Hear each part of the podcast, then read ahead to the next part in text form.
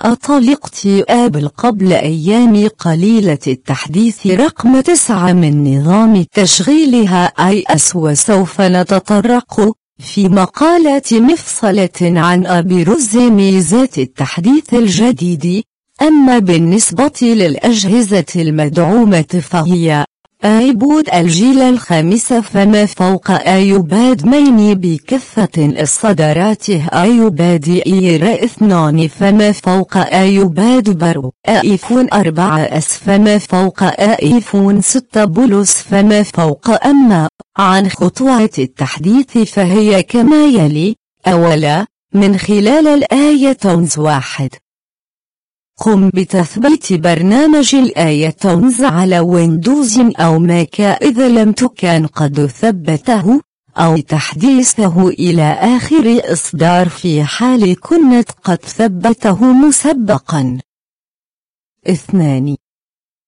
قم بوصل الآيباد أو الآيفون بجهاز الكمبيوتر باستخدام الكيبل المعتمد من آبل. ثم اضغط على رمز الآيفون خط مائل إلى الخلف الآيباد للدخول على إعدادات الجهاز.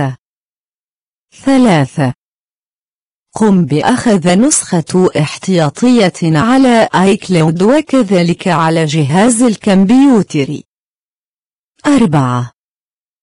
قم بنقل مشترياتك إلى الآيتونز بالنقر على قائمة ملف file ثم الأجهزة devices ثم اختر نقل مشترياتك إلى الآيباد خط مائل إلى الخلف الآيفون move purchases to iPhone خط مائل إلى الخلف iPad.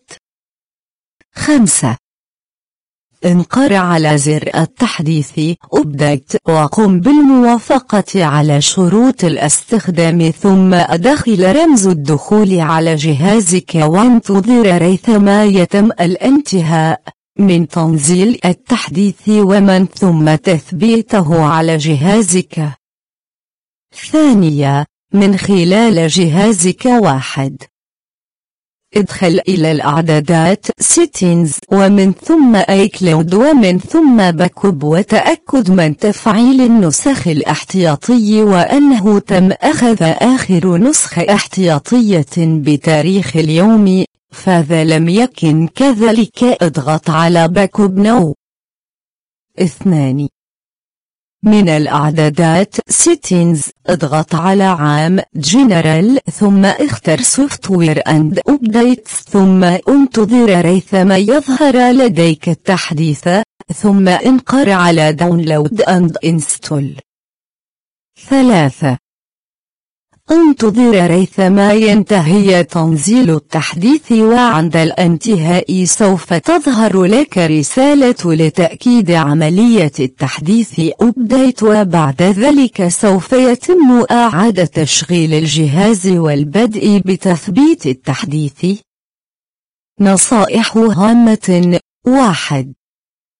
تأكد من إيصال جهازك بالشاحن طوال عملية التحديث حتى وإن كانت بطارية جهازك ممتلئة. اثنان تأكد من أخذ نسخة احتياطية من كفة بياناتك بالطرق التي ذكرناها أعلاه. ثلاثة تأكد من أنك لم تنسى كلمة سر قبل أيد وإذا كنت قد نسيتها فلا تقم بالتحديث حتى تتذكرها أو تقوم باستعادة كلمة السر لأنه بعد التحديث سوف يطلب النظام منك كلمة السر. أربعة لأصحاب ال jailbreak. إذا أردت الحفاظ على ال jailbreak فلا تقم بالتحديث وانتظر ريثما تصدر نسخة خاصة لأصحاب ال jailbreak. وفي حال أردت التحديث وخسارة ال jailbreak فقم بأخذ نسخة احتياطية من بياناتك. من خلال ال iTunes وقم بالتحديث من خلال ال iTunes حيث لن يمكنك التحديث باستخدام جهازك وسوف تكون عملية الفورمات ومسيح جميع البيانات قبل التحديث أجبارية. 5. صدرت تقارير بأن بعض المستخدمين واجهوا مشاكل أثناء عملية التحديث، والسبب على ما يبدو الضغط على السيرفرات، لذا من المفترض ألا تواجه أي مشاكل الآن.